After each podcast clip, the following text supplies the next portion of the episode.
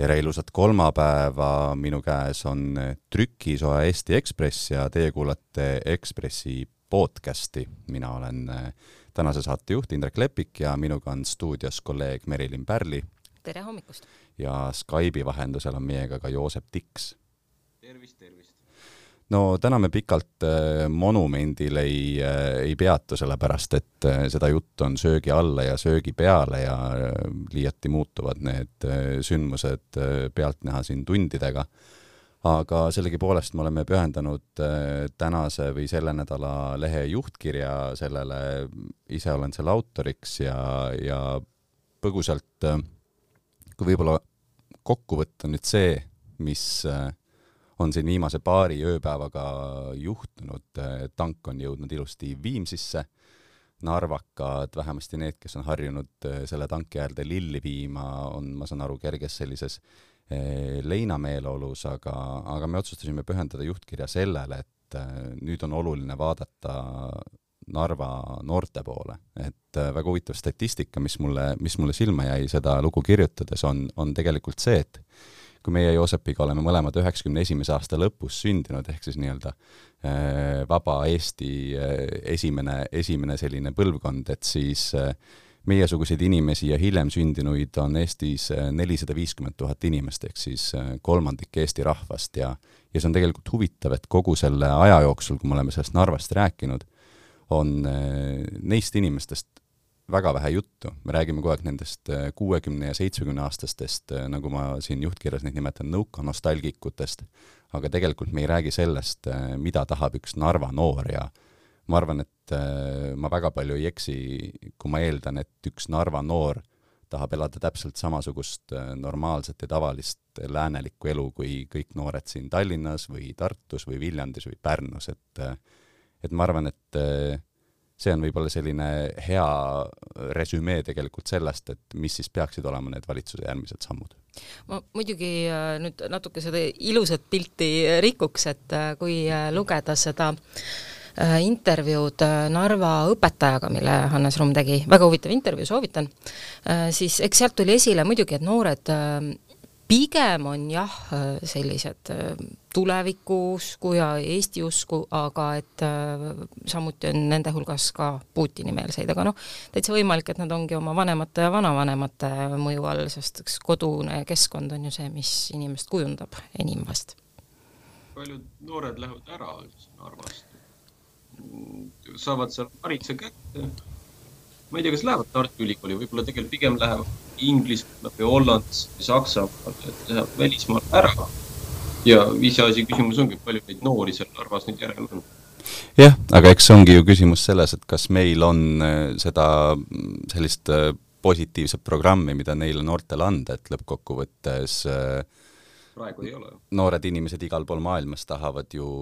elada hästi ja normaalselt, nii nagu kõik teised, et, et kas me nagu sunnime neid eh, nende vanemate ja vanavanemate kombel edasi elama eh, selles nii-öelda väärtusruumis, neis sümbolites ja, ja kõiges muus või me tegelikult kuidagi nüüd kolmkümmend aastat siis pärast taasiseseisvumist, õieti kolmkümmend üks aastat, et, et me jõuame ikkagi, jõuame ikkagi nendeni lõpuks välja ja saame aru, et tegelikult see on äh, teistsuguses kontekstis, teistsuguses keskkonnas kasvanud põlvkond, keda me ei, ei pea ise aheldama selle Nõukogude Liidu taagaga. aga nagu ma lubasin Sorry, aga nagu ega need noored ei olnud selle monumendi juures mitte kuidagi seotud, et, et keegi ei sundinud neid sinna minema, meie neid ahe, ei aheldanud seal, see on ju täiesti asendussõna või asendusjutt, mida sa räägid, et need, kes seal mässasid, olidki need vanad pensionärid ja keskealised, kellel oli armas mälestus seal, see probleem puudutab neid jah, aga sellest ma ju räägingi.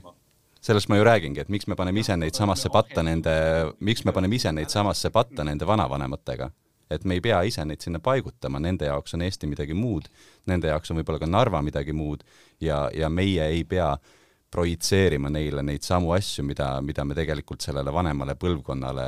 nagu paigutame, et selles mõttes neil inimestel ongi õigus kasvada ilma selle Nõukogude Liidu taagata ja, ja seetõttu me ei pea ka arvama, et äh, kõik noored narvakad selle tanki vastu mingit suurt armastust tundsid ja et me peame neile nüüd kaasa tundma, et, et nad sellest tankist on ilma jäänud. ma lisaks seda, et äh, tegelikult selleks, et Narvast saaks nüüd kolmkümmend aastat hiljem hakata ka arenema selline ikkagi Eesti linn,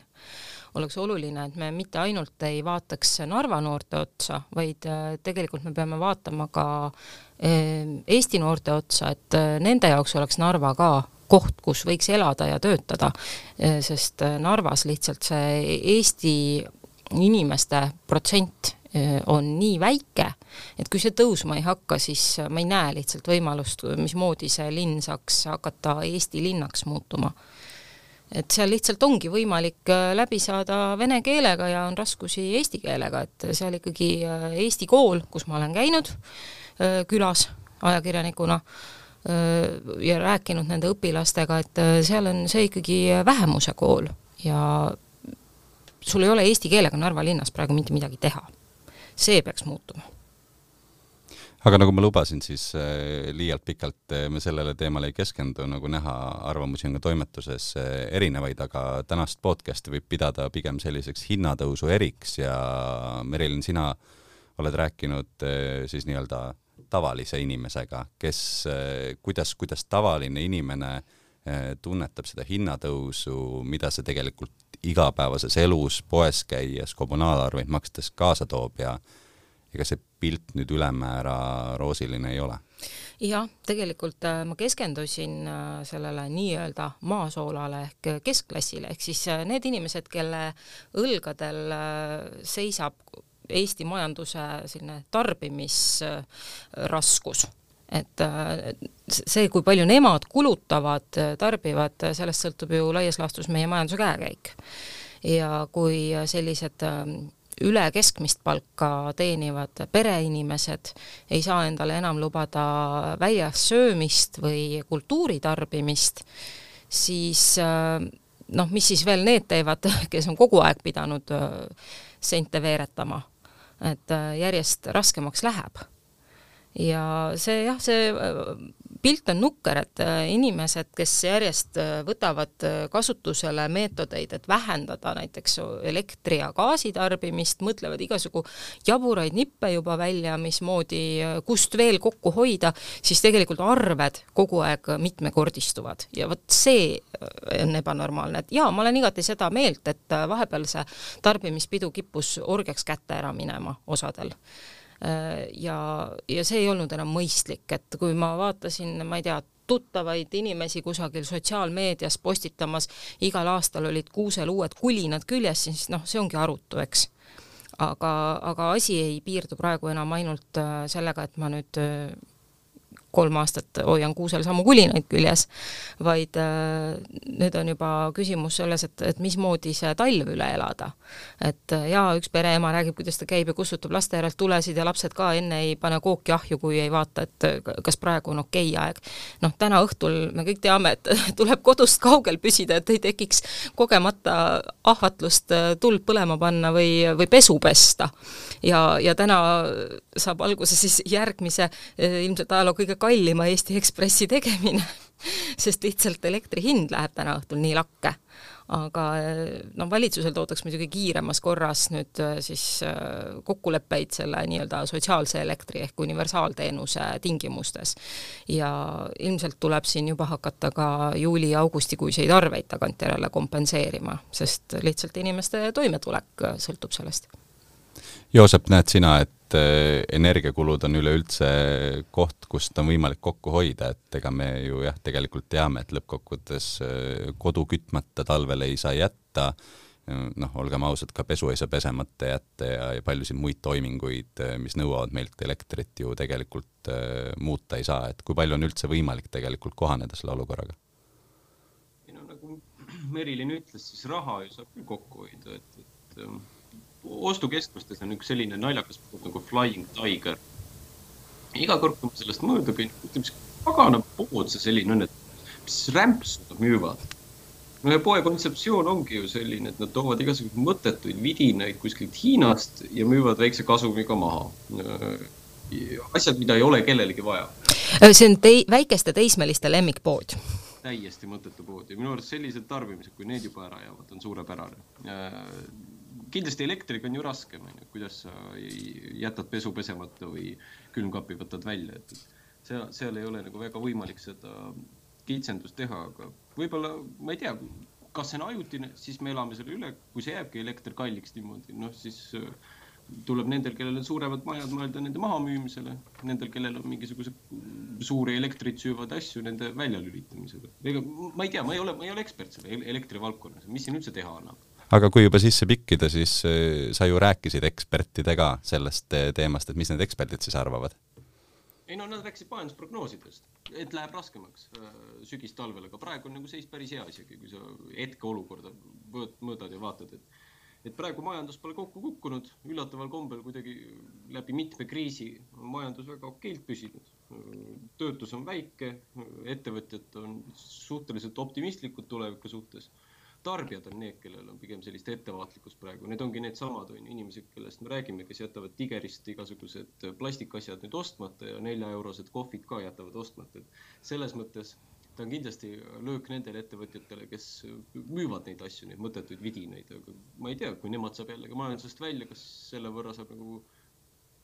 mm, kuidagi paremaks seda keskkonda ja majandust ja asja, kui meil ei ole ületarbimisele keskenduvat majandusmoodi. kas sinust räägib äkki lastetu noor inimene, kellel äh, puuduvad mingid teatavad äh, kulutused, mis äh, keskmisel pereemal kuidagi, kohe kuidagi tegemata ei saa jääda? ei no mis kulutused nagu, tiger ei ole ju kulutus, kui me sellest räägime või kui laps nõuab tigerist mingit mõttetut asja, ma ei tea, võta end kokku ja ära luba talle seda. No Merilin, äh, kui palju on neid nagu tigeri külastajaid ja kui palju tegelikult need inimesed tunnevad, et äh, kokku tuleb hoida, ma ei tea, toidulaua arvelt või, või ka riiete arvelt ja, ja asjad, mida meil nii-öelda igapäevaseks olemiseks tarvis on? no inimesed, kellega mina suhtlesin, ütlesid, et igasugused impulssostud on ära jäänud järjest rohkem tegelevad taaskasutusega. Äh, IT-ettevõtja leiutas ise mingisuguse vidina või, või sellise, tegi sellise ähm, jupikoodi ja siis tellis Hiinast mingi vidina juurde ja siis see tal reguleerib seda vannitoa põrandakütet, et see igal ööpäeval korra vaid kõige soodsamal ajal end sisse lülitaks ja, ja noh, pereema ütles, et tema on sisuliselt lõpetanud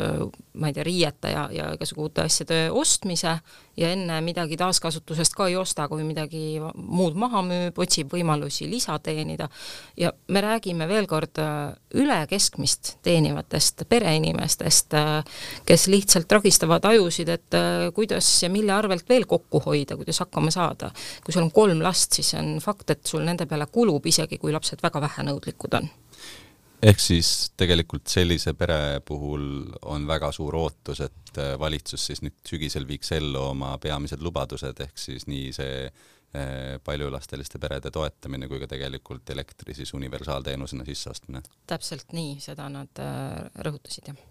no Joosep, äh, nagu me teame, siis äh, kaasaegne lääne ühiskond äh, baseerub eelkõige tarbimisel ja kui see tarbimine ennast tagasi tõmbab, siis ka majandus jahtub. sa rääkisid mitme eksperdiga majanduse väljavaadetest vähemasti järgneva poole aasta jooksul, et mida, mis on need peamised asjad, mida, mida selliste ohumärkidena tuuakse, sest et tegelikult ju tunnistatakse, et veel praegu läheb majanduses väga hästi? nagu ma enne ütlesin, tarbijate käitumine ja mis siis saab, kui tarbijad oma käitumist muudavad? ei no mis ikka majanduses saab, kui tarbijad ei osta asju, siis mm, ei ole midagi müüa ja raha ei liigu. kõige hullem asi, mis võib juhtuda, ongi ju see, et äh, raha liikumine jääb seisma. ehk siis see jääb kuhugi pangakontole, see ei täida majanduses oma funktsiooni, ei jõua laenuna välja kellelegi, ei jõua päris majandusse teiste inimeste kätte, kellel seda on vähem. hull on. vaesemaks ja rikkamad äh, hoiavad oma raha kokku. hull on see, et, et raha põleb kontodel, et äh, see ei ole ka üldse hea lahendus, et ma korjan lihtsalt mingisugusele varukontole, sest kui inflatsioon on iga kuu üle kahekümne protsendi, siis sa lihtsalt äh, iga kuu annad üle viiendiku sellest rahast ära, aasta pärast selle väärtus on pea olematu. et see ju kahaneb ja põleb heleda leegiga see on ka natukene nagu üle pingutatud, kui sa, no mis, mis need tootegrupid on, mis seda inflatsiooni praegu veavad? energia, kinnisvara, toit on ju. kui nad aasta pärast on energia, kinnisvara, toit odavamad, inflatsioon on madalam, no ma ei tea, palju seda bensiini tahab praegu kokku osta siis selle raha eest ei noh, küsimus on pigem, eks ole, selles, et inimesed soovivad ka tulevikuks ette ennast valmistada ja selle jaoks midagi, kuidas öelda siis, sukasäärde ette ära koguda, aga jah, et mis on selle, mis on sellesama euro ostujõud poole aasta pärast? noh, sa saad neid või noh, kuidas ma nüüd sõnastan, sa selle ostujõud tõepoolest on viiendiku võrra väiksem, aga kui sa võtad seda nüüd globaalselt või üle Euroopa peale või mingisuguste fondide peale ja nii edasi see ostujõud on Eestis väiksem. Eestis läheb tarbijahinnaindeks viiendiku võrra üles äh, iga kvartal, on ju. no las ta siis läheb või, või nagu, mis on see kaotus, mis sa sellest saad? no nagu see üks pereisa mulle ütles, et äh, tema tegeleb ise investeerimisega, ütles, et kahe-kolmeprotsendilise Äh, inflatsiooni juures ei ole keeruline välja mõelda, kuidas investeerida, nii et kasumisse jääda, aga kui inflatsioon on juba üle kahekümne protsendi, siis need on ainult äh, väga kõrge riskiga äh, tooted ja, ja see tähendab seda, et sa võid sellest ka ilma jääda, igaüks ei oska, ei valda seda. jaa, aga euro väärtus ju ei ole kakskümmend protsenti kahanenud ei no jaa, aga ega lõppkokkuvõttes äh, euro väärtus on äh, selles, mida sa selle euro eest saad, et euro väärtus võib ju olla ka dollari suhtes kasvanud, aga kui sa selle eest nagu reaalselt mingit kaupa vastu ei saa või selle kauba hind on ikkagi kallinenud, siis noh, mm. lõppkokkuvõttes me ju räägime ostujõust Saksamaal on paar protsenti vist see inflatsioon, mis tähendab, et Saksamaal ma saan endiselt sama palju asju ka kuu aega või pool aastat hiljem. isegi sakslased kol... räägivad praegu kõrgest inflatsioonist seitse protsenti. kui me räägime investeerimisest, siis see ei kujuta endast ju kütusepaagi täislaadimist või saia ostmist. jah, aga Joosep, sa ju mõistad, et kolmsada kuuskümmend viis aastat äh, oma Eesti elust sa ei saa kuidagi ümber tõsta Saksamaale, et see, et Saksamaal asjad odavamad on, ei muuda sinu jaoks mitte midagi mm. -hmm nüüd sai on viiendiku võrra kallim, bensiin on viiendiku võrra kallim, isegi kui see aasta pärast on niimoodi ja noh, sellest sõltumata kinnisvarahinnad vist kasvavad, on ju, siis see ei tähenda, et nagu rahvusvahelisel, ma ei tea, börsil näiteks, erinevatel nendel börsidel, minu võimekus kuidagi oma vara säilitada oleks kadunud. et see jutt, et raha põleb kontol ja kõik on nii hull, noh, see puudutab ainult teateid, toot-, teatud tootegruppe nagu kütus, energia, sai, mis iganes sellised asjad. jah, aga kuidagi kipub olema niimoodi, et see kütus, energia ja sai on sellised igapäeva lahutamatud osad, et ehk siis see, millele sul põhiliselt raha kulubki? kõht peab täis olema, kaugemale elajad peavad autoga tööle pääsema. siis sul läheb nagunii see nende toodete peale. mina öö, vaatan huviga, et mis hakkab toimuma mm, toitlustussektoris, et kui koroona ajal panid toitlustajad oma poe kinni sellepärast, et inimesed ei tohtinud väljas söömas käia, siis äh, nüüd ma arvan, me hakkame nägema seal äh, uste kinnipanemist, sellepärast et inimestel lihtsalt ei ole enam raha, et väljas söömas käia. ma üritasin meenutada, ma arvan, et ma olen selle aasta peale kokku võib-olla no maksimum viis korda käinud lõuna ajal äh, kas väljas söömas või tellinud toimetusse, et mul on toit kaasas, sest ma lihtsalt ei saa endale lubada seda. ehk et maksimum kord kuus ma saan endale väljas lõunatamist lubada, me ei räägi õhtusöökidest, me räägime lõunasöögist. jah, ja eks teine osa, mida me ei ole veel katnud, aga mis majanduse seisukohalt on vähemalt sama tähtis, on ikkagi see, et seesama energia hind on äh, sisendhinnaks ka tootvale tööstusele või töötlevale tööstusele, et, et sealt, kust tulevad äh, igasugused kaubad ja majanduslik lisandväärtus ja, ja lõppkokkuvõttes ka eksport, mis kallimaks läheb, et äh, eks siin tundub nagu lahutamatu küsimus see, et just see energia ja energia hind on, on see küsimus, mida, mida on vaja nagu ära lahendada ja lukku saada ja tegelikult siit saab ka mugavalt hüpata kolleeg Sulev Veedleri loole, mis tegelikult võtab siis endale selgitada, kuidas me oleme tänasesse päeva jõudnud ja ja eks siin ongi nüüd siis suureks küsimuseks ju tegelikult tekkinud, et kas see elektribörs kui selline toimib ja täidab oma eesmärki või mitte, Merilin, sa enne mainisid, et äh, õhtul tulevad siin juba rekordilised äh, elektrihinnad, tõsi, üksnes nii-öelda börsipaketiga ja ühes tunnivahemikus, aga, aga sellegipoolest, et et, et eks siin on tekkinud nagu suur küsimus sellest, et äh, et kas börs, mis seab oma hinna siis nii-öelda viimase siseneja ja kõige kõrgema hinna järgi, et kas, kas see praegu täidab oma eesmärki või mitte olukorras, kus tegelikult me ei näe sellist vähemasti kiiret investeerimistegevust, mis siis kõrge hinna kontekstis noh, tekitaks tootmisvõimsusi juurde selleks, et hind jällegi tagasi alla tuleks, aga, aga mulle tundub ka ikkagi kuidagi lühinägelik seda, ütleme siis seda elektribörsi ideed lihtsalt äh, põhja lasta sellepärast, et meil praegu selline tõrge on, et äh, Sulle Peedler on siin tsiteerinud ka Martin Helmet, kes, kes on ju teadupärast selle süsteemi vastu ja leiabki, et, et see süsteem on oma kas siis aja ära elanud või ei ole kunagi seda eesmärki täitnudki, et, et, et paistab küll, et see vähemasti selle talve eel on valitsuse suur eesmärk seda turutõrget kompenseerida ja siis mitte üksnes tegelikult lõpptarbijale, nagu me praegu teame, et aktiivne poliitika on, vaid ikkagi ka tekitada ettevõtjatele mingi kindlustunne selle suhtes, et kuidas üleüldse see energia hind äh, võib kujuneda, sest et ega lõppkokkuvõttes tootmisplaani on väga raske teha, kui sa ei tea, mis see sisendihind on. Minu meelest üks äh, võib-olla kõige olulisem asi, mis, mis selgitab seda tänast anomaaliat ja ka üldse viimase aja kõrgeid äh, elektrihindu Eesti jaoks, mis börsilt tulevad, seisneb või on kirjas siin Sulevi artiklis, et energiamajanduse arengukava aastani kaks tuhat kolmkümmend on sõnastanud järgmiselt. taastuvenergia osakaalu kasv vähendab keskkonnamõju, sissetulekute kasv on muutmas energia hinda taskukohasemaks, uute elektriühenduste kaudu laienenud elektriturg on langetamas ka elektri hinda, selline oli prognoos. ehk siis, et tootmise asemel rõhutati ühendusi, las teised investeerivad tootmisesse, meie lihtsalt ehitame elektriliinid, eks ju, Soomeni ja, ja Lätini ja Leeduni ja tegelikult siit läheb see elekter läbi, me me ei tooda piisavalt. me oleme jätnud need investeeringud tegemata. nagu me teame, üle kümne aasta ei ole meil tuulikupargidki arenenud, et me lihtsalt oleme seisnud näpp suus ja lasknud sellel olukorral eskaleeruda. ja mitte üksnes meie, vaid ka Läti ja Leedu. absoluutselt. olete vaadanud, mis on Prantsusmaal elektri hind? niimoodi puusalt ei oska sulle öelda, aga tahad sa meile öelda? Euroopa tuumariik. no nad ei ole Nord Pooli äh, eks ju, liikmed, et, et selles mõttes nende elektri hind eh, või üldse nende tootmine meid ei mõjuta kuidagi. Ma ei tea, ma saan Nord Poolist vaadata täitsa, ma lähen seal Nord jah, aga hinnakeskkonnad on on ju, kus näitab seda elektribörsi hinda ja Prantsusmaa puhul on näiteks hinnad on enam-vähem samad nagu Eestis, võib-olla jah, seda nelja tuhande eurost lage ei tule sinna, aga, aga muidu on ka viissada, kuussada on, et kõige odavam elekter ongi Põhjamaades, terve Euroopa peale paistab jah, ja eks siin paistabki olevat selline ka jälle nii-öelda mitme asja koosmõju, et äh, Prantsusmaal on jah probleem äh, tuumajaamade töötamisega, mingi osa on seal hoolduses, samal ajal me teame, et äh, hüdroenergiat on praegu Põhjamaades raske toota, sellepärast et veetase on madalam